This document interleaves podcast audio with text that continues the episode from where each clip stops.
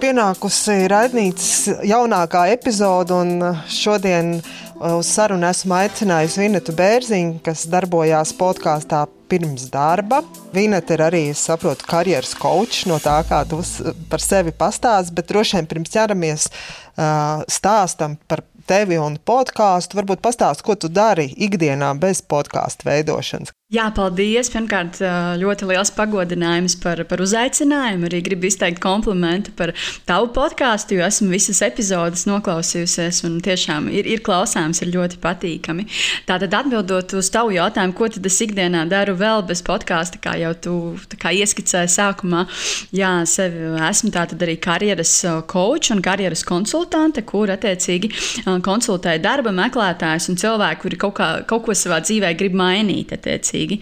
Nu, lūk, un tas pamatdarbs, ko es ikdienā daru, tā ir personāla atlase un personāla vadība.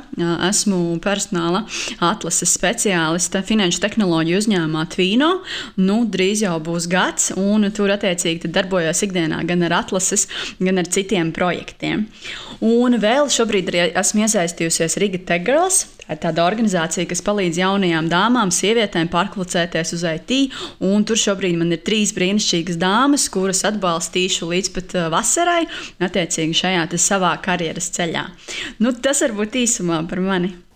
Un tā tava tā karjeras ķēdīte darbojies personāla atlasē, pēc tam jau arī kā karjeras coach, tagad arī mentors, un kurā brīdī tad bija podkāsts?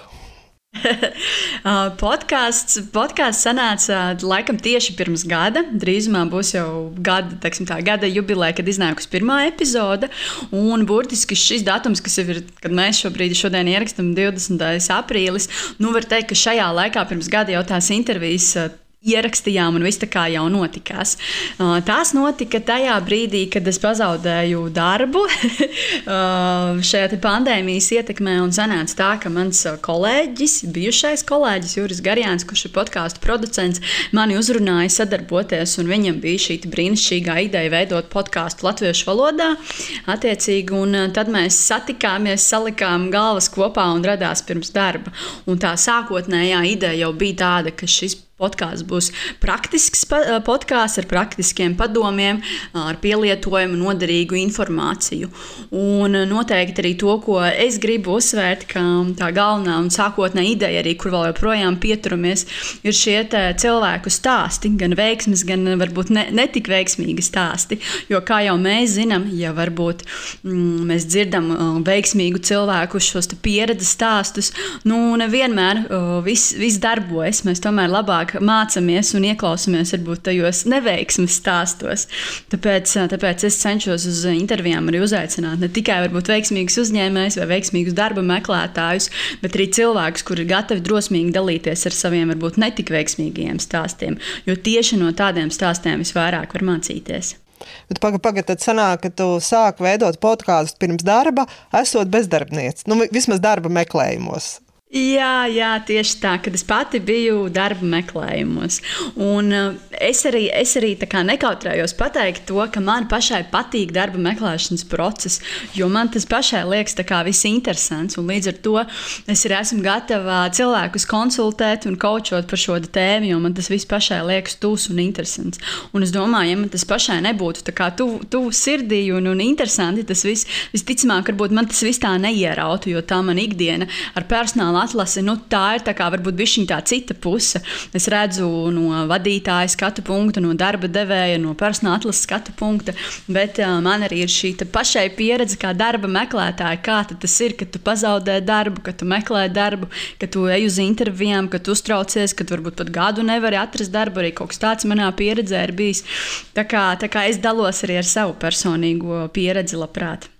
Jā, tas ļoti interesanti. Un kāda tā tava darba meklētājas pieredze, varbūt tu jau te uzskaitīji tās lietas, bet varbūt arī nu, no tādas tās sajūtas, un kā tu tajā laikā jūties, un kur tu smēlies atbalstu un zināšanas, kā to darīt. Nu, tajā laikā, protams, nebija tik viegli, jo tas viss nāca tā pēkšņi. Šī pandēmija, attiecīgi, un darba zaudēšana, nu, protams, atklāti runājot, es, protams, nejūtos, nejūtos ērti un, un nejūtos varbūt tik labi.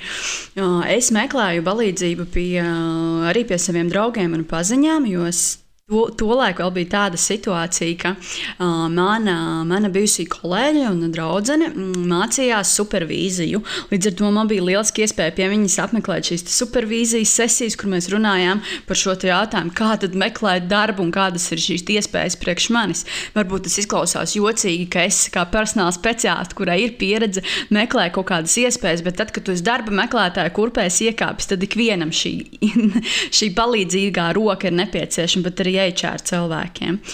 Nu, lūk, tas ir viens, un vēl attiecīgi atbalsts. Nu, protams, ģimenē vīrs mani atbalstīja gan, gan morāli, gan citā veidā. Un vēl arī tajā laikā es tieši mācījos coachingu, un man bija lieliski iespēja tātad praktizēt un darboties. Un es arī kā klients varēju iet pie saviem kursa biedriem, un mani tad coachoja par dažādiem jautājumiem, tā skaitā arī par karjeras tēmām, par nākotnes tēmām, par mērķiem, darba meklēšanu un tā tālāk. Tā kā nu var teikt, ka man bija paveicies tajā laikā, ka man bija atbalsts laikam no visām pusēm. Jo man liekas, ka darba meklētājs eh, nu, visbiežāk ir tāds vientuļš. Diez vai viņam apkārtnē ir kāds līdzīgi, ar līdzīgām problēmām cilvēks, un ja arī ir, tad nu, tās situācijas vienalga katram ir atšķirīgas vai tās vajadzības. Un uh, vismaz tie man novērojumi, vērojot apkārt esošos draugus, ka tu parasti esi, pat ja tev kā ir tādas tās prasmes uzrakstīt CV vai kaut kādas citas lietas, vienalga tā vajadzība parunāt un izrunāt kaut kādas tādas šaubas, bažas ir lielas, un, un tajā procesā ir ļoti labi, ka ir kāds. Uh, jā, atbalstītājs, bet citreiz arī tāda podkāstu klausīšanās var palīdzēt, kad klausies šīs pieredzes. Protams, jā, un arī šobrīd tas ir viens no tādiem mūsu nākotnes mērķiem podkāstam. Tātad, kā jau tu minēji, kad cilvēks sāk meklēt darbu, viņš skatās darba sludinājumus, veido savu CV, sūta šos pieteikumus. Nu, mēs gribam, lai nāktu arī trešā lieta klāta. Tātad cilvēks, darba meklētājs, klausās arī podkāstu pirms darba. Un esam arī nesen ieviesuši saukli podkāsts palīdz atrast darbu. Un es ticu, ka tā arī ir, jo esmu saņēmusi neskaitāmas atgriezniskās saites no klausītājiem klausītājiem. Un tieši šis, šī atgriezniskā saite visvairāk priecē un dod to enerģiju, turpināt to, dar, to darbu un neapstāties ar, ar podkāstu veidošanu un turpināšanu. Jā, jā, es pamanīju to jūsu izaicinājumu, bet, uh, nu, Nu, kā podkāsts var palīdzēt atrast darbu? Nu, kā tas ir, kad man tas darbs nav, bet kā klausoties, piemēram, pirms darba, es uh, varētu nu, ieraudzīt un izmantot tās iespējas, kas ir? Kā tu to redzi? Kāda ir tā maģiskā burvju formula? Jā, tātad pirmkārt šis darba meklētājs, klausoties podkāstu, var dzirdēt uh, šos pašu darba meklētāju pieredzes stāstus, ko es intervēju. Un nevienmēr ir šeit veiksmīgie stāsti, bet bieži vien arī kaut kādas neveiksmes, no kā šis cilvēks ir mācījies. Un otrs, attiecīgi, uh, mana šī podkāstu specifika ir tāda, ka bieži vien es organizēju mm, podkāstā tādas tā kā darba intervijas, tā kā karjeras konsultācijas, jo ir bieži vien tā, ka varbūt tu kā darba meklētājs esi interviju dzirdējis tikai no, savā, no savas perspektīvas, bet tu neesi dzirdējis no malas. Un te ir lieliski iespēja savā ausīs dzirdēt, kā notiek šī darba intervija vai sarunas par šo tēmu, attiecīgi attālināti. Un, un jā, tad šajās podkāstu intervijās es arī nekau, nekautrējos dot kaut kādus padomus par CV, uzdot līdzīgus jautājumus jautājums kā darba intervijās, un bieži vien arī izspēlējam gan darba intervijas, gan karjeras konsultācijas, un to visu dzirdēt, tad cilvēkam ir vieglāk kā, nu, uzlikt uz sevis, ka rekuru šis man derētu, un šo es varētu pamainīt, un šis man ir jāmācās, un to es nedaru, un tā tālāk. Un, un tev ir nojausma, cik cilvēki ir atraduši, pateicoties podkāstam, darbu. Nu, šis ir tāds sarežģīts jautājums. Nezinu, daudz jausmas, bet nu, ļoti ceru, ka ir kaut kāds pulciņš, jo, protams, esmu saņēmusi atgriezniskās saites, ka ir palīdzējis, ir palīdzējis kaut ko mainīt. Nesen arī intervija bija ar Kārli Kalniņu, kurš ir, uh, jau, jau ilgi klausās šo podkāstu. Viņš dalījās arī ar savu pieredzes stāstu, tātad varbūt netik veiksmīgo, kā ir meklējis darbu. Un uh, šajā sarunā atklājās to, ka viņam podkāsts reāli palīdz atrast darbu. Un šobrīd viņš arī ir darba meklēšanas procesā un uh, minēja to, ka šobrīd jūtas kā vispār kā cits cilvēks, jo tik, tik daudz informācijas ir iegūtas pa šo gadu. Tādā ziņā interesanti, ka informācija jau kā piemēram uzrakstīt CV vai ko, ko darīt, vai kā uzvesties darba intervijās, jau nu, tā atvērt Google un tajā pašā YouTube paskatīties, to var uzzināt. Kas ir tas, tu redz tajā podkāstā iespēja par šiem pašiem jautājumiem runāt? Jā, jā nu, pirmkārt, noteikti tas, ka tas ir specifiski Latvijas darba tirgus, ko es stāstu. Tas nav ne Amerikas darba tirgus, nekāds cits.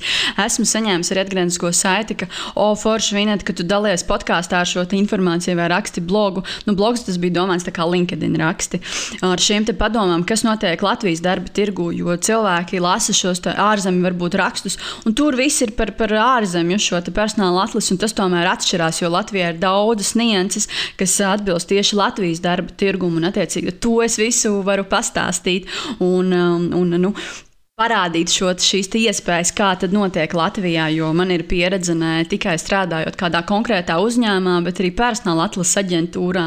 Un tur man bija iespēja redzēt gan dažādas nozares, gan arī dažādas uzņēmumus, gan lielus, gan mazus.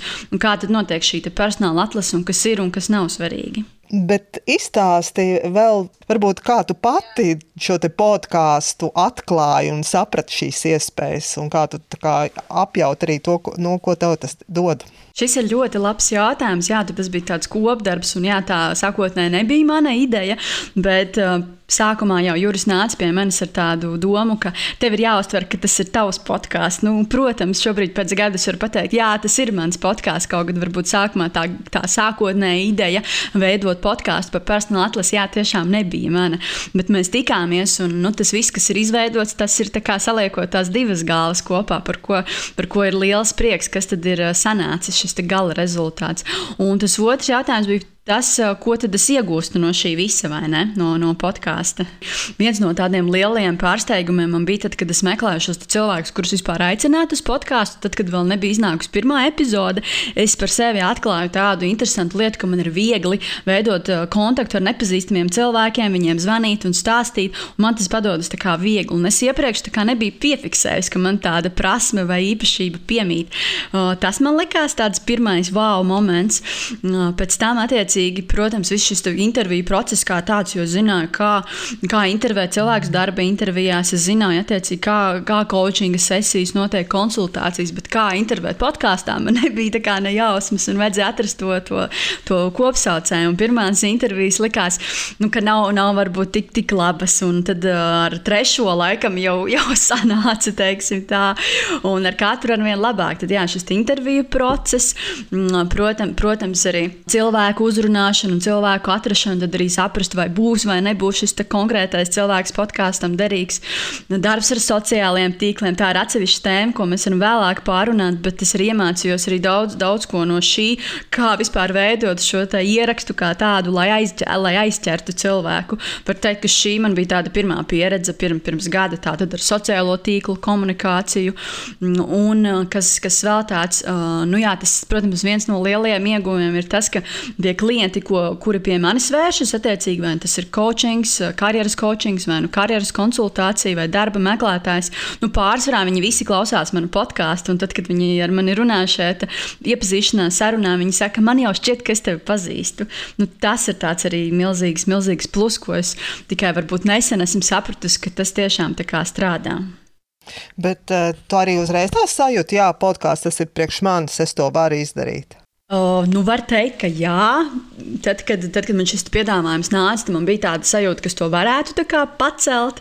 Un, kā jau es to minēju, pirmās reizes varbūt bija nedrošas, jā, bija, bija tā kā nepārliecinātība par sevi, bet ar katru reizi ar vien labāk un labāk sanāca. Un es arī saņēmu, saņēmu labu atgrieznisko saiti gan no draugiem, gan no paziņām, gan arī no savu podkāstu kolēģa Jūra, ka man tā kā viss sanāk. Un līdz ar to, ja tu saņem to atgrieznisko saiti, tad arī ir tas prieks to turpināt. Un kā jau man liekas, es minēju, nu viens no lielākajiem maniem motivatoriem to visu turpināt ir atgriezniskā saite. Jo es arī piefiksēju, ka laikam, es nekad dzīvē laikam, par kaut kādu darbu, ko es daru, neesmu saņēmusi tik daudz atgriezniskās saites kā šobrīd.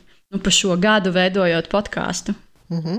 Un tad es saprotu, ka jūs strādājat komandā. Varbūt izstāstīt, kā jūsu podkāstā komandas darbs izpaužās.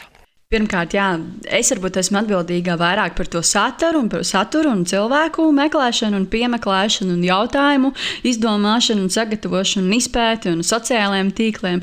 Jūras attiecīgi vairāk ir tas, kurš atbildīgs par sponsorēšanu, par naudas lietām, arī par šīm te tehniskajām lietām, kas ar šo interviju ierakstīšanu un montēšanu, un palīdz arī ar, ar šo video sagatavošanu, ko es pēc tam lieku sociālos tīklos. Nu, kā, jā, tas ir komandas darbs, un katrs dara to, kas labāk padodas, un ir šī stiprā puse. Un, ja pavisam godīgi, es viena laikam nevarētu veidot podkāstu, ja man būtu tas viss jādara vienai, jo es ticu, ka tās tehniskās lietas varbūt man nepadodas vai nepatīk.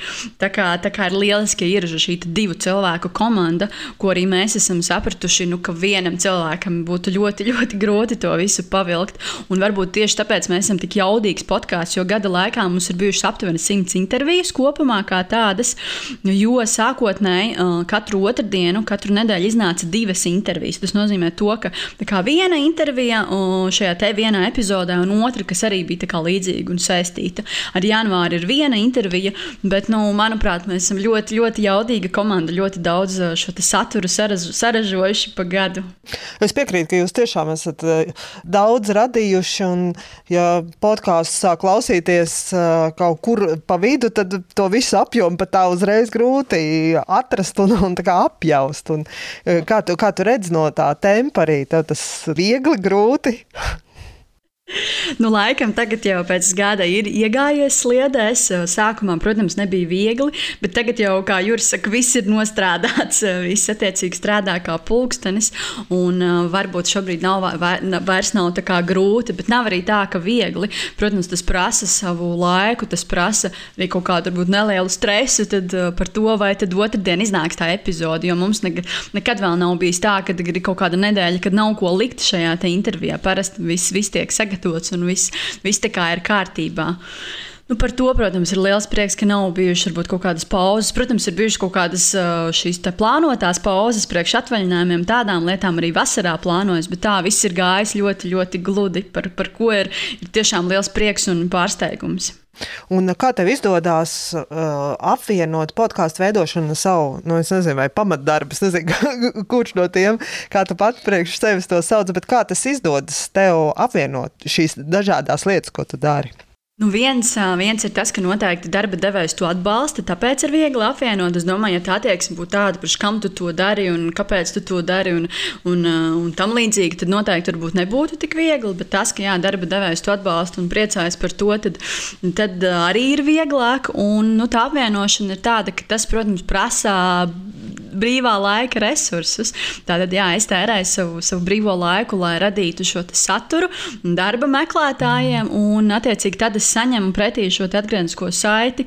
Es saņemu pretī vēstules, ka cilvēkiem ir palīdzējis darba meklēšanā, vai kaut ko savā dzīvē ir sācis mainīt, vai domāt par to. Nu, tas ir tas mans lielākais atalgojums. Es domāju, ka varbūt podkāstu veidošana, darbošanās karjeras coachingā varētu būt tas tavs pamatdarbs, un tas ir tas, ar ko tu nodarbojies. Protams, protams, es esmu jā, par to domājusi. Un, uh, varbūt iespējams kaut kad nākotnē tas būs kā pamatdarbs, bet cik esmu par to domājusi, tas noteikti nebūs uz gadiem pieciem.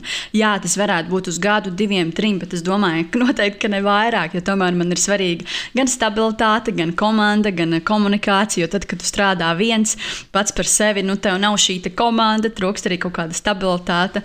Jā, noteikti kaut kad nākotnē varētu gadu, divus padarboties tādā režīmā režīmā, bet nu, noteikti ne tā, ka ilgtermiņā. Nu, redzēsim, ko es par to visu teikšu pēc pieciem gadiem, bet nu, šobrīd ir man tāds redzējums. Runājot ar podkāstu veidotājiem, ir ļoti atšķirīgi tie motīvi. Citam mm, podkāstu veidošana ir hobijs, citam ir misija, citam tas ir algas darbs, vēl kādam tā ir vēlme vienkārši izzināt vairāk, tieši nu, teiksim, iepazīt vairāk dažādus cilvēkus, izzināt viņu viedokli. Kā tu priekš sevis eh, formulētu, kas eh, podkāsts ir priekš tevis? Nu, man šķiet, ka podkāsts priekš manis ir tas viss, ko tu jau minēji, jo tas sniedz tik daudz ko. Nu, pirmkārt, jā, noteikti, ka man tas ir kaut kāda sava veida hobijs, to es arī varu pateikt.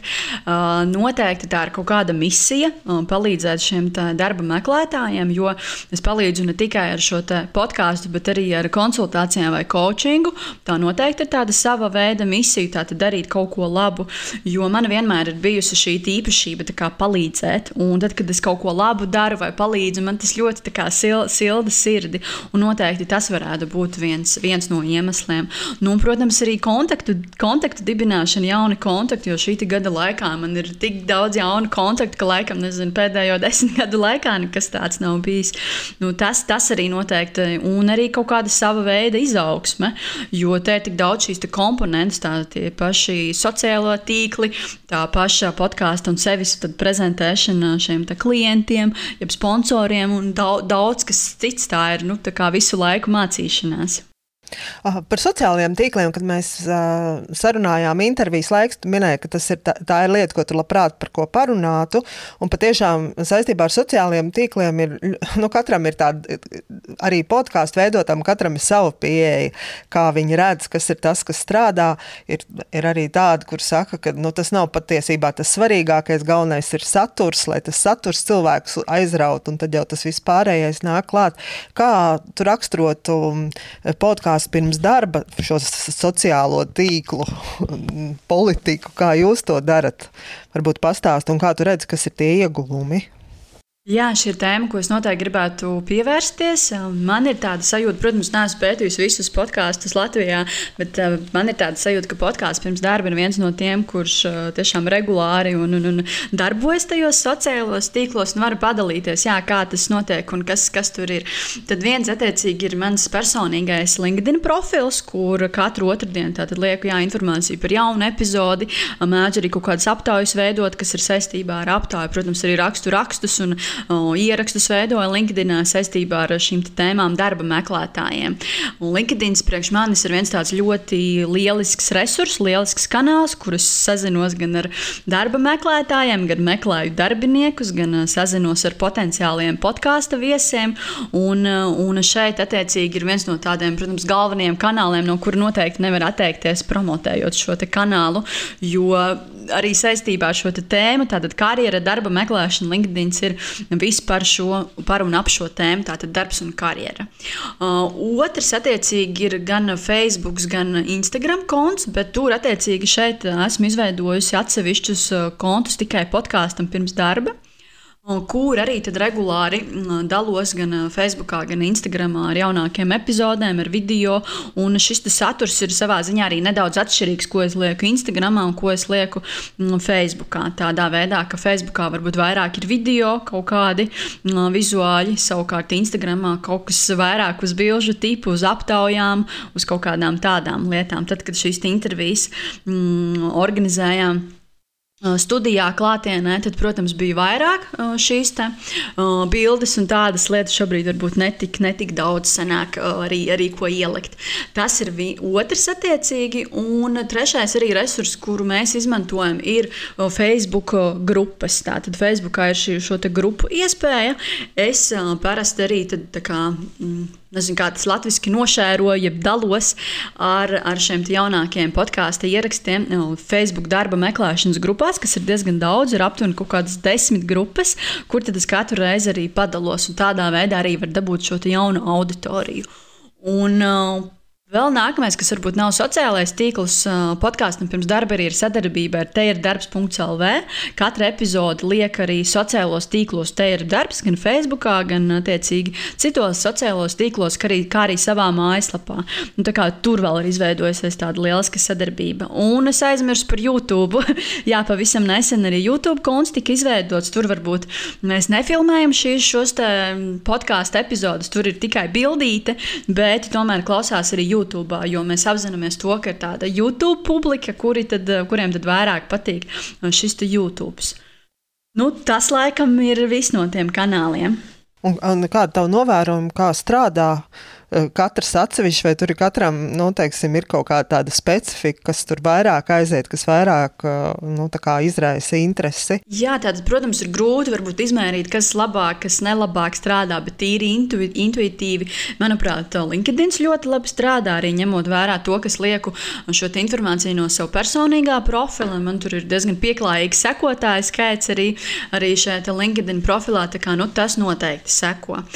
Par Facebook runājot, domāju, domāju, ka noteikti strādā šīs darba meklēšanas grupas, kuru šērojam informāciju. Arī pašā Facebook lapā podkāstam ir vairāk kā tūkstots, ja nemaldos, sekotāji, kas arī, manuprāt, ir diezgan, diezgan ok gada laikā, ņemot vērā, ka mēs varbūt neliekam šīs sponsorētās reklāmas un sponsorētos ierakstus. Un savukārt Instagrams arī, arī noteikti strādā tīpaši uh, saziņā varbūt ar šiem podkāstu faniem, jo Instagram ir šī lieliskā storija, jeb stāstu iespēja, kur tad cilvēki visbiežāk dalās ar šo atgrieznisko saiti, ka ir noklausījušies konkrēto epizodi un tad padalījušies kaut kādu komentāru, vēl pierakstījuši. Tā kā Instagrams ir tāds lielisks, varbūt kanāls, kur tieši komunicēt ar šiem podkāstu klausītājiem. Bet savukārt LinkedIn ir lielisks kanāls, kur vai nu meklēt šos cilvēkus, ko aicināt uz interviju, vai nu viņi tur paši piesakās un tā tālāk. Saprotu, YouTube jūs pavisam nesen esat sākuši darboties. Kā tur novērojumi, kā, kā, kā tas ir sākot tur darboties, kādi tie pirmie secinājumi? Tātad YouTube, jā, laikam tika palaists, ja nemaldos, gada gada izskaņā vai šī gada sākumā. Šobrīd, nemaldos, laikam kaut kādi 55 šie abonementi YouTube, kas, protams, nav liels cipars, bet atsevišķas epizodes diezgan labi klausās YouTube. Un šis kanāls ir noteikti arī, kur, kur turpināsim likt. Un, un vēl arī jāgribu arī pie, pielikt klāt informāciju, ka YouTube esam ielikuši arī pirmās desmit uh, epizodes, kuras, kuras bijušas pašas pirmās. Bet, ja nemaldos, tad, manuprāt, tur pat kaut kas iztrūkst, kaut kādas vidējās nav ieliktas, bet nu, visas jaunās likt, tiek liktas iekšā YouTube. Mm -hmm. Un, uh, kā tu redzi, nu, tās priekšrocības tam, ka jūs uzreiz sākāt veidot šos podkāstu kontus pirms darba, nevis, nu, piemēram, Vineta Bērziņu, un tad kā, ar, ar tavu personības zīmolu liekot priekšā, kā tu redzi, kas ir tie ieguvumi tam?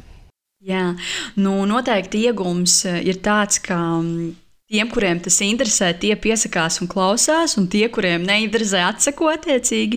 Ja es to visu veidot no sava personīgā profila, tajā Instagram vai Facebook, nu, visticamāk, nezinu, maniem draugiem varbūt tas apniktu, ka būtu pa biežu.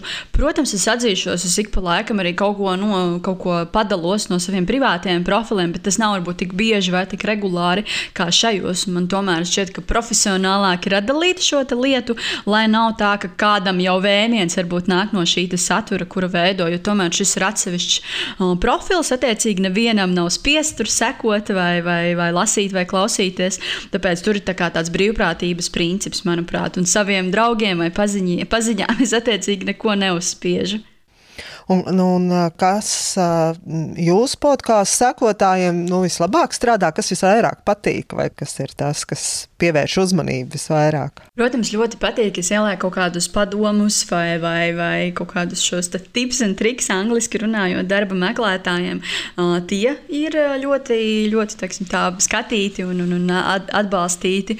Un, protams, arī kaut kādas intervijas, ko es lieku šo podkāstu epizodu ieraksti, kuri ir saistīti ar kaut kādiem personīgiem stāstiem un varbūt arī nu, tādiem neveiksmes stāstiem vai atklātiem stāstiem. Nu, tādi izdzīves, teiksim tā. Tie, kuri varbūt ir veiksmīgi tur uzņēmēji stāsti vai veiksmīgi darbu atraduši, nu, tos, tos varbūt netik ļoti, nu, teiksim, tās spiežtās sirsniņas, vairāk tomēr spiežtās sirsniņas tiem, tiem patiesajiem stāstiem, tiem neveiksmes stāstiem un tā tālāk. Un tās ir arī klausītākās epizodes, šie stāsti. Jā, protams, varu, varu teikt, ka ir klausītākās. Jā, viena, viena no tām epizodēm, kuras vairāk klausījās, ir epizode ar, ar Kristīnu Beitiku, kura, kura dalījās atklāti par to, kā viņa uzrakstījusi atlūgumu pēdējiem diviem darbiem un aizgājusi no turienes projām, kas, manuprāt, ir diezgan, diezgan atklāts stāsts. Un tajā, tajā epizodē bija vēl viena intervija, kas arī bija ļoti, ļoti atklāta un diezgan arī šokējoša, kur Jānis Krasniņš dalījās par savu pieredzi, kā viņš ir meklējis darbu savā, savā darba pieredzē un visam tur pa vidu attiecīgi bija alkohols un narkotikas, un kā tad šo viņš savā dzīvē ir ticis galā šobrīd. Nu, tādi stāsti, kas ir teiksim, patiesi, un kad, jā, varbūt beigās ir kaut kāds šis veiksmes stāsts, bet lai līdz tam tiktu, ir kaut kādas lietas, ar ko ir jātiek galā, kas varbūt nav tik skaistas. Un šīs lietas tomēr klausītājiem visvairāk patīk un, un aizķer. Teksim, tās epizodes vai tas, ko jūs ieliekat informāciju sociālajos tīklos, gan arī tās epizodes podkāstā, tad līdzīgi ir tās, kas tā raisa vislielāko interesi gan starp klausītājiem, gan sociālajiem tīklu. Vai tur tomēr ir atšķirība, kas, piemēram, interesē sociālos tīklos, sociālo tīklu lietotājus un kas interesē klausītājus? Zini, laikam neesmu šo tā pētījusi. Tas ir ļoti labs un sarežģīts jautājums. Zinu, jā, kuras ir klausītākās epizodes, bet neesmu varbūt tā skrupulozi izpētījusi, kuri varbūt ir tie ieraksti, epizodu ieraksti sociālos tīklos, kuri visvairāk tur komentēti vai, vai sirsniņas spiestas vai, vai kaut kas cits. Bet, eh, bet atbildot uz tavu jautājumu, tomēr visbiežāk ir tā, ja šī epizode ir klausīta, tad visticamāk arī sociālos tīklos ir lielāka šī rosība. Vairāk varbūt dalījušies cilvēki, vai, kāds, vai komentāri vairāk, vai, vai, vai sirsniņas vairāk. Nu, kaut kāda korelācija tur noteikti pastāv, es domāju. Kā tu redzēji, um, veidojot podkāstu, uh, cik viegli ir nu, uzaicināt, pierunāt eh, šos varoņus, kurš dalās ar savu pieredzi. Jo bieži vien darba meklēšanas pieredzē tur ne viss ir viegli un gludi, ir kaut kādas neveiksmes vai kaut kādā veidā jāstāsta par savām kļūdām. Tu bieži saņem atteikumu. Es dzirdēju arī, ka šo jautājumu, liekas, tu uzdevi arī vienā citā podkāstu intervijā. tā kā jā, es atbildētu šo jautājumu tā, ka jā, esmu, protams, saņēmusi atteikumus, tīpaši no darba meklētājiem, kuri varbūt nav gatavi vismaz šajā dzīves posmā dalīties ar šo savu pieredzi. Un, manuprāt, tas ir pilnīgi normāli, jo ir jāpaiet kaut kādam laikam, kad pat cilvēks to sagremo, un tad varbūt tikai var dalīties ar citu. Man pat nesen īstenībā bija tāds, tāds gadījums, jā, kad uh, devu devu laiku padomāt, un tad beigās, jā, dāma tik atteicās nākt uz interviju. Bet, laikam, šobrīd, jā, ir jau gads podkāstam, laikam ir paveicies to, ka cilvēki paši piesakās uz, uz šo interviju, nākt, tad aprunāties podkāstā. Un es pat, ja godīgi neatminos, kad mums ir bijis tā, ka, nu, kad, kad galīgi nav ko uzaicināt, jo, ja varbūt galīgi nav ko uzaicināt, tad mēs skatāmies, varbūt blociņā, kas ir tie cilvēki, kuriem ir interese pieteikties, un tad, nu, kuriem iepriekš attiecīgi bija interesi pieteikties, un tad mēs apzināmies, izvēlamies, nu, kuru tad varētu uzaicināt. Jo tomēr eh, nu, cilvēkiem ir interese, un ņemot arī vērā to, ka podkāsts iznāk tikai reizi nedēļā, un šobrīd tā ir viena intervija, nu, tad arī neizdodas varbūt uzaicināt pilnīgi visus cilvēkus, kuri grib. Līdz ar to mums ir šis saraksts, kur ir pieteikušies, un ar kaut kādu laiku visticamāk mēs arī uzaicināsim. Un, un tas, ka cilvēki piesakās pie jums, tas arī pateicoties sociāliem tīkliem un tam, ko jūs darat tur, ka tas ir tas veids, kā jūs šiem cilvēkiem tiekat klāt. Protams, protams, jā, es redzu, ka tie ir sociālo tīkli, jo Es, godīgi, laikam neatminos, ka man kāds rakstītu ēpastus ar domu pieteikties ēpastā vai kādu atgrieznisko saiti. Nu, visbiežāk tas ir, laikam, visbiežāk tie ir divi kanāli, vai no Instagram, vai no LinkedIn, kad es saņemu šo atgrieznisko saiti vai interesi piedalīties podkāstā kā, nu, kā, kā viesim attiecīgi. Un šīs pieredzes, nu, cilvēki, kad piesakās, tur redzat kaut kādu tādu līdzīgu profilu, cilvēki gatavi nākt stāstīt, vai tas ir ļoti dažādi šie cilvēki, kas nu, ir gatavi dalīties pieredzē. Ļoti dažādi. Nu, vairāk, protams, laikam piesakās nevis darba meklētāji, bet cilvēki, kuri ir eksperti kaut kādā ziņā savā jomā. Tā varbūt nevienmēr ir karjera vai darba meklēšana, bet arī kaut kāds cits lauciņš. Un tad es parasti uzdodu šo, jā, šo jautājumu, nu, kas, kas ir tas, ko tu varētu pastāstīt, kas interesētu tam darba meklētājiem. Jo mēs ļoti stingri pieturamies pie, pie tā mūsu, mūsu te, tēmas, attiecīgi, ka tas ir darba meklētājiem un ka tur ir jābūt pa, pa karjeru. Un, ja attiecīgi mm, pie mums piesakās kāds darba devējs, kurš grib pastāstīt par sevi, tad, jā, protams, mēs domājam, kā šo var sasaistīt ar karjeru un arī domājam, kā mēs šo darba devēju varam pasniegt klausītājiem kā tādu, mm, nu, kā tādu iespēju, jeb kā tādu darba sludinājumu, ko attiecīgi šis darba devējs piedāvā. Vai uzņēmumi ir arī ieraudzījuši nu, jūsos to resursu, kur var atrast to darba meklētāju, piekļūt darba meklētājiem? Protams, jā, ir, ir bijušas arī tādas sadarbības tieši ar šādu mērķi piesaistīt varbūt darbiniekus. Un, un, un jā, jā ir, ir bijis kaut kas tāds. Un, un kā tu redzi, ko tas dod podkāstam? Pirmkārt, podkāstam jā, tas dod to iespēju, ka ir ne tikai varbūt, darba meklētāji, bet arī darba devēji. Arī šī bija tā sākotnēja ideja turēt kaut kādu balansu, lai ir ne tikai darba meklētāji, bet arī no darba devēja perspektīvas šīs, te, šīs te intervijas. Tā kā tas tā ir tā tāds lielisks balans, ka dar, šie darba devēji paši piesakās. Un vēl lieliskāk, ja šis ir sponsorēta sadarbība. Ko tas dod podkāstam, šī tieši sponsorētā sadarbība? Nu, tas noteikti dod tā tādu ilgspējīgu attīstību, ka šis sponsorētās attīstības, nevis attīstības, bet sadarbības noteikti rada kaut kādu motivāciju, ka, ka tiek pamanīti, ka mēs tiekam pamanīti ne tikai no darba meklētāja puses, bet arī no darba devēja puses. Man personīgi tas dod tādu gandarījumu, ka esam pamanīti un ka novērtēti no šīm abām pusēm. -hmm. Un kā tu redzi, kā var saglabāt podkāstu to, to tādu līdzsvaru starp to, ka jūs aizstāvat vai esat nu, stāstat darba šim ņēmējam, darba meklētājam tās lietas, nu, kas, kas, kas viņam varētu palīdzēt atrast darbu, un no otras puses pie jums nāk sadarbības partneru uzņēmumu, kur meklē darbniekus, lai nu, podkāsts nepārvērstos par tādu, nu, nezinu, tādu reklāmas stabu, kur nu, vienkārši atnāk uzņēmums pastāst par kaut kādām darba iespējām.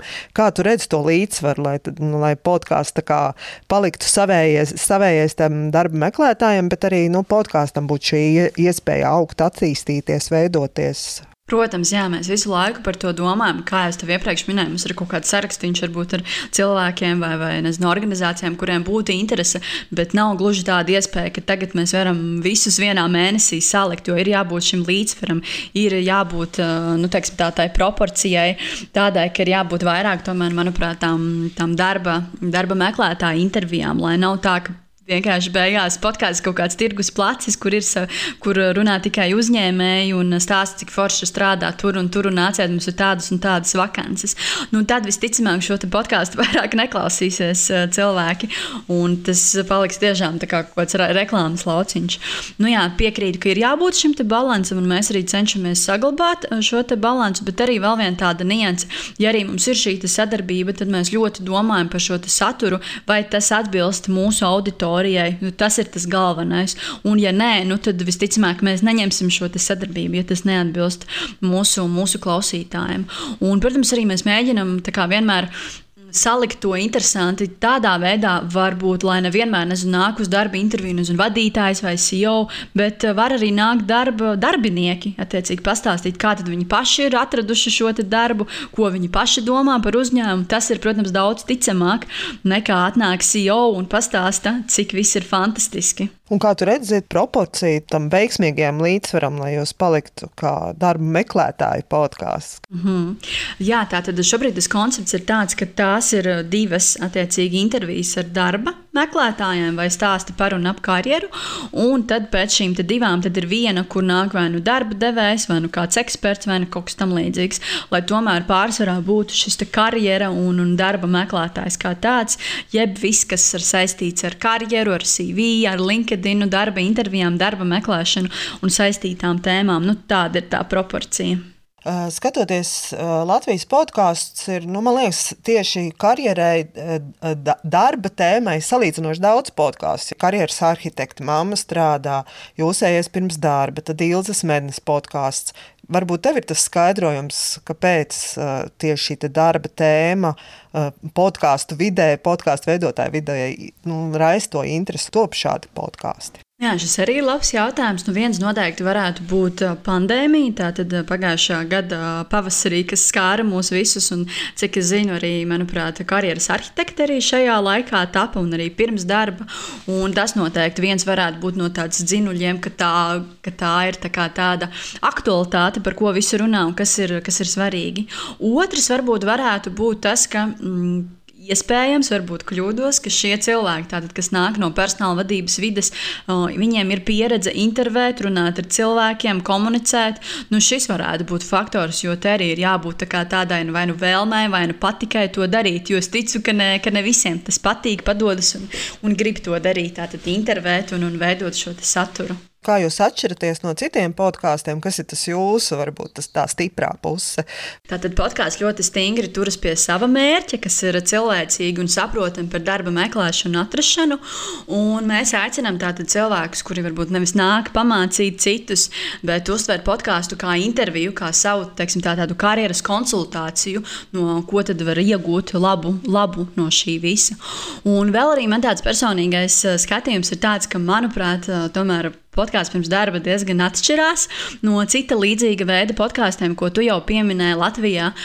Jo tā niša te ir tāda, ka tas ir pār šo darba meklētāju, un, un neesmu arī dzirdējis, ka kādā no podkāstiem tiku, tiktu teiksim, tā, improvizētas darba intervijas vai karjeras konsultācijas. Nu, mēs šobrīd esam vienīgais podkāsts Latvijā, kurš runā par darba meklēšanu un atrašanu. Un pie šīs tēmas esam pieturējušies stingri jau gadu, un, protams, arī turpināsim pie tā pieturēties pirms jūs sākāt podkāstu veidošanu, jūs arī pētījāt, nu tā, kāda, ir kon, kāda ir konkurence tieši šajā jautājumā, kāda ir tieši podkāstu latviešu valodā, vai bija ideja taisījāt un, un tad uz priekšu bez tādas izpētes. Jā, protams, nelielu izpēti veicām. Tajā brīdī tas bija marts, kad mēs veicām šo nelielo izpēti par Par darba meklēšanu viens podkāsts nebija Latvijā. Par HR jomu tātad Ilza Smednes šis podkāsts, HR podkāsts bija toreiz. Un tad, kad mēs bijām ierakstījuši, nemaldos, laikam trīs intervijas, bet vēl nebija palaistas gaisā, jo mūsu tas mērķis bija ierakstīt četras intervijas. Nu, ņemot vērā to, ka katrā epizodē ir divas intervijas, tad sanāk, tās ir astoņas intervijas, un tikai tad palaist gaisā podkāstu. Tad kaut kādā brīdī, kamēr mēs jau bijām ierakstījuši trīs intervijas, manuprāt, karjeras arhitekti jau bija palaiduši savu podkāstu. Nu, es nezinu, kurš tur bija pirmais vai kā, bet nu, jā, gribu atzīmēt to, ka, nu, manuprāt, mēs tomēr ļoti atšķiramies no, gan, no, gan no Ilzas, gan no citiem HR podkāstiem ar, ar šo savu specifiku, tātad darba meklētājs, darba meklēšana un atrašana. Un tad, kad parādījās tie citi podkāsti, tā konkurence nebiedēja, nebija tā sajūta, nē, nu, ko nu mēs, rekur jau ir aizņemta šī niša, nav, nav ko. Jā, jā. Nu, nē, nu, noteikti tieši otrādi. Mēs ļoti priecājamies, ka ir vēl arī citi podkāsti. Un arī šobrīd, varbūt ne gluži par, par mūsu tēmu, bet, ja vienalga ir kāds cits podkāsts, piemēram, Tavs Latvijā, mēs personīgi ļoti priecājamies par to, ka attīstās podkāstu kultūra Latvijā kā tāda. Jo Ja būs vairāk podkāstu Latvijā, jo vairāk klausīsies podkāstus, jo vairāk klausīsies podkāstus, jo vairāk klausīsies mūsu podkāstu. Nu, tāda ir tā mūsu filozofija. Tāpēc es tikai atbalstu, ja tiek veidoti podkāsti par personāla vadības tēmu vai jebkuru citu tēmu. Lūdzu, labprāt, es arī labprāt aprunājos ar cilvēkiem un pakonsultēju no, no sava skatu punkta, no savas pieredzes, kas pa šo gadu ir iet cauri un lab, labprāt to arī daru. Varbūt nav bijuši bieži šādas sarunas, bet nu, kaut, kaut kas tāds arī ir bijis un labprāt labprāt arī palīdzu jaunajiem censoņiem, teiksim tā. Un tu arī sako līdzi, ko dara nu, nosacīt jūs uh, konkurenti citi podkāsti, tieši kas ir par šo darba tēmu, karjeras tēmu. Es laikam nesauktu par, par konkurentiem šos podkāstus. Noteikti nē. Mēs uztveram vairāk tā tādus līdzgaitniekus kaut kādā savā ziņā. Jā, protams, sekoju gan, gan, gan kas notiek karjeras arhitektos, gan HR podkāstu. Noteikti piesakojam, dažreiz arī paklausos, kas notiek. Tā kā, tā kā jā, pil, pilnīgi absolūti noteikti. Vai arī viens no iemesliem varbūt ir tāpēc, ka es nāku no šīs jomas un man tas šķiet pašai interesanti. Tātad, kas, kas notiek personāla vadības jomā. Mm, jā, un tā podkāstu veidošana personāla vadības jomā, tu to redz kā kaut kādu tādu, tādu šī, šī brīža tādu tendenci, vai tas ir, nu, kā tu to, kā tu to skaidro? Nu jā, par nākotni man tā grūti pateikt. Es, protams, ļoti ceru, ka parādīsies vēl jauni podkāsti par šo tēmu. Ļoti interesanti būtu arī, ja parādītos varbūt kāds podkāsts tieši par personāla, nevis par personālu, bet par šo darba meklēšanas tēmu. Arī būtu ļoti interesanti. Un, un nu jā, es nezinu, kā, kā izvērtīsies nākotnē, bet nu, cik, cik dzirdu un cik redzu apkārt podkāstu jauni tiek radīti.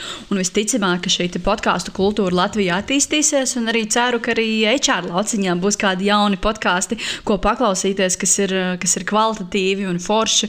Un man, protams, gribētu dzirdēt tādus nu, patiesos stāstus iz dzīves, un varbūt mazāk tos ekspertu uh, intervijas, uh, ne, nekā, nekā jā, tādu parasto cilvēku šos dzīves gājumus vai, vai veiksmes un neveiksmes jau sākot veidot podkāstu, es uzzināju arī, ka Facebookā ir um, domu biedru grupa, podkāstu kultūra Latvijā, un tu ir šīs grupas, es saprotu, izveidotāji. Varbūt pastāst par šo grupu, um, kā, kā tev radās doma, ka jā, vajag kaut kur arī Facebookā pulcēt podkāstu veidotājus. Jā, tātad šī doma man radās ar tādu sapni, kad varētu varbūt kādu dienu satikties Latvijas podkāstu vadītāji kaut kur vecrīgas krodziņā un iedzert tālu un papļāpāt par to. Bet tad, laikam, tā doma man liekas, bija laikam vasarā, kad vēl nebija šie visi ierobežojumi, kas ir šobrīd. Bet tad, attiecīgi, jā, es izveidoju šo grupu ar tādu domu, lai mēs varam kaut kā, kaut kā sanākt kopā un saprast, cik tad ir un kas ir tie aktīvisti un, un dalīties ar kaut kādiem padomiem, idejām un tādām lietām.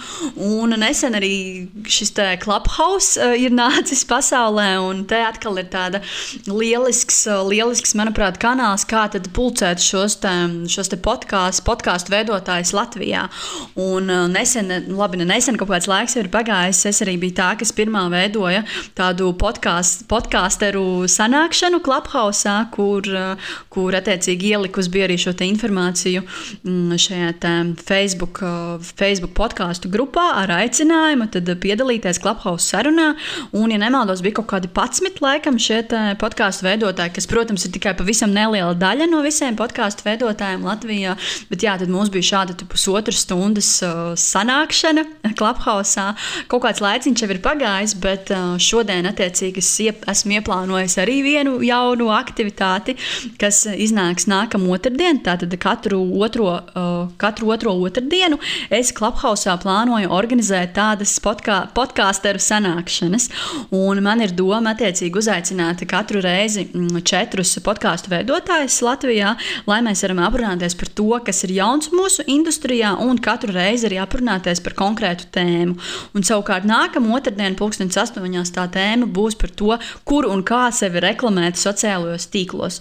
Un šobrīd esmu nosūtījis uzaicinājumus pirmajiem četriem dalībniekiem, kas piedalīsies attiecīgi šajā pirmajā tikšanās reizē. Tātad uh, nākamā otrdien, pulkstenis astoņos vakarā Clubhouse.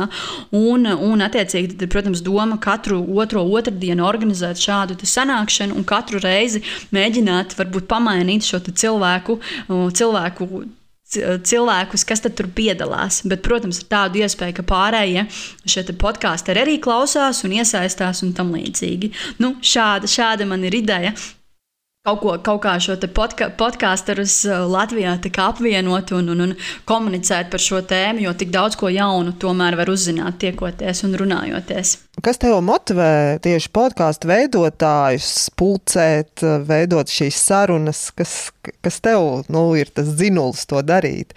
Vienkāršāk jau būtu uh, rosīties savā lauciņā, darīt to, to darbiņu, nu, kas tev ir jādara, un priekš kam tu tur tādā kopējā labumā iesaistīties prieks būs, ja tas podkāstu, podkāstu burbulis attīstīsies Latvijā. Un tas mērķis primārais ir uzzināt kaut ko jaunu priekš sevis, un noteikti arī tā tādi kontakti, jeb tā kā, nu, tāda iepazīšanās, jo ļoti forši un patīkami veidot tā tādas draudzības, jeb iepazīšanās.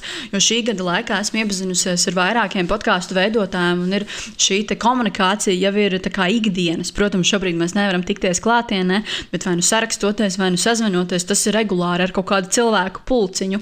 Un te, šī te Facebook grupa, protams, ir kā tāds tilts, attiecīgi, kur mums ir iespēja šo cilvēku vai nu uzrunāt, vai nu uzaicināt uz savu podkāstu, vai sazvanīties, vai padomu pavaicāt. Jo tas ir tas, manuprāt, kas mums ļoti pietrūkst Latvijā, kaut kādas savas nelielas kā, komunas veidošana, kaut kas tam līdzīgs. Un, un, un kāpēc tev liekas, nu, ka, ka tā komūna šobrīd vēl nav nu, tāda gana stipra un atbalstoša? Kas, kas ir tas, kas pietrūkst? Noteikti pietrūkst tas, nezinu, kā tas ir latviešu, tas mindset, tas, tas redzējums, kas varbūt ir ārzemēs, nu, kad, kad mēs atbalstam viens otru podkāstu veidotāju, mēs aicinām uz intervijām viens otru, mēs atbalstam, mēs priecājamies. Nu, manuprāt, šis tā kā Latvijā pietrūkst. Protams, nezinu, ko citi domā, vai, vai priecājas par jaunu podkāstu, vai tieši otrādi domā, re, kur konkurence un redz kā un šitā. Nu, tas, manuprāt, visvairāk pietrūkst Latvijā šobrīd. Tā kā tāda priecāšanās, iesaistīšanās sarunās, vairāk varbūt aicināt viens otru uz intervijām. Es ļoti ceru arī, ka tavs podkāsts kaut kādā veidā varbūt arī rosinās šo sadarbību vai, vai interesi par citiem podkāstiem.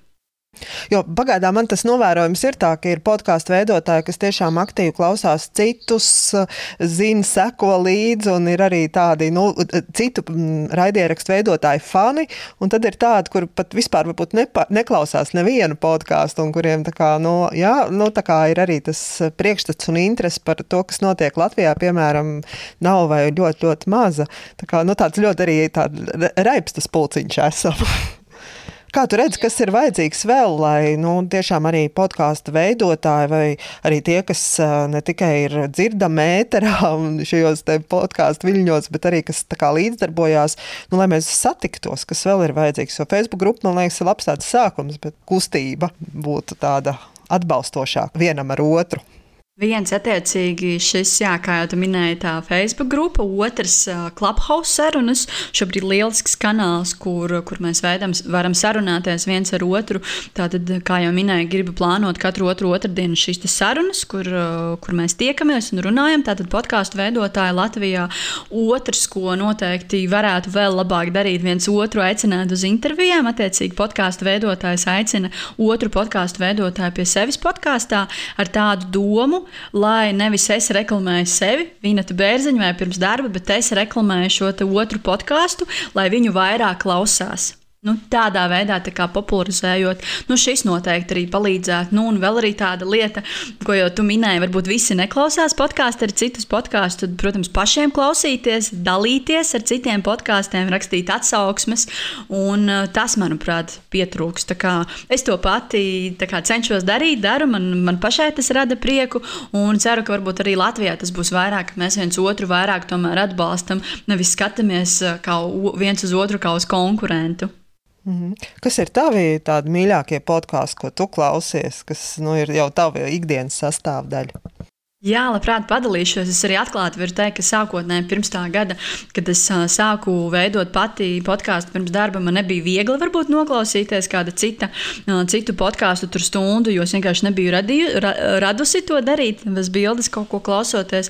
Bet šobrīd ikdienā, nu, varbūt ne gluži katru dienu, bet nu, es cenšos ik pa laikam paklausīties divas, trīs epizodes dienā. Un tas, ko es klausos regulāri, tas ir noteikti Aigas Veckalnas podkāsts Pieturzīmes, kas man ļoti patīk patīk un saist, un arī regulāri dalos Instagram ar viņas šīm jaunākajām epizodēm un viņu atbalstu. Tagad otra arī ļoti iemīļota man ir um, attiecīgi tavs podkāsts. Es visas epizodes noklausījusies un klausos, man ļoti patīk. Un arī Liksies, varbūt dīvaini, bet es tikai nesen atklāju Lauras Denlera podkāstu cilvēku jaudu, un tikai nesen esmu sākusi klausīties, bet esmu jau ļoti daudz interviju noklausījusies. Man tiešām ļoti, ļoti patīk. Nu, šie trīs ir tādi top trīs uz šodienu, ko es eh, klausos. Varbūt ne katru dienu, bet nu, katru otro dienu noklausos kādu no šīm, no šo podkāstu epizodēm. Labi, paldies, Vineta. Man prieks ir eh, tiešām bija ar tevi parunāt, un man liekas, es tagad arī pēc mūsu sarunas, eh, man liekas, ka tā tā viena no tādām interesantākajām lietām, par kurām būs par ko aizdomāties tieši par podkāstu vidi, par to, vai mēs esam konkurenti vai sabiedroti, atbalstītāji un kādā veidā arī nu, stiprināt. Uh, podkāstu veidotājus, vidi, kā mēs katrs, kas darbojamies šajā jomā, varam nu, līdzdarboties un iesaistīties, lai gan paši kļūtu stiprāki, gan arī nu, sasniegt jaunus un jaunus cilvēkus, kuriem tas, ko mēs darām, varētu noderēt. Kā, tur īkšķis par mums, un es ceru, ka izdosies. Jā, šis tā ļoti spēcīgi, ko tu pateici. Tad es sāku domāt, vai es kaut ko pārāk skaļi vai pārāk atklāti nepastāstīju šajā intervijā. Bet jā, šīs ir manas domas, un es tiešām ļoti ceru, ka mēs nākotnē vairāk sadarbosimies un atbalstīsim viens otru. Protams, ir cilvēki, podkāsteri, kuri atbalsta viens otru, ticu, bet mēs, protams, varam darīt vairāk, lai šo komunu stiprinātu, gan arī vispār attīstītu podkāstu klausīšanos, kultūru kā tādu, jo mums ir tik daudz šie klausītāji klausītāji, kas varētu būt mūsu, bet, protams, visi neklausās podkāstu. Tā kā vēl liels darbs vēl, un vēl liels ceļš mums ir ejams. Jā, es tev arī gribu pateikt lielu paldies par šo interviju. Arī lieliska pieredze priekš manis, priekš manis attīstības. Un, arī uh, prieks, ka varēju atklāti pastāstīt savas domas par šo visu un arī padalīties uh, par podkāstu pirms darba tapšanu un aizkulisēm. Jā, paldies! Un tad jau tiekamies kaut kur uh, pārspriežot jaunumus, kas ir podkāstu vidē. Vai ne? Fantastiski! Labi, paldies! Liels.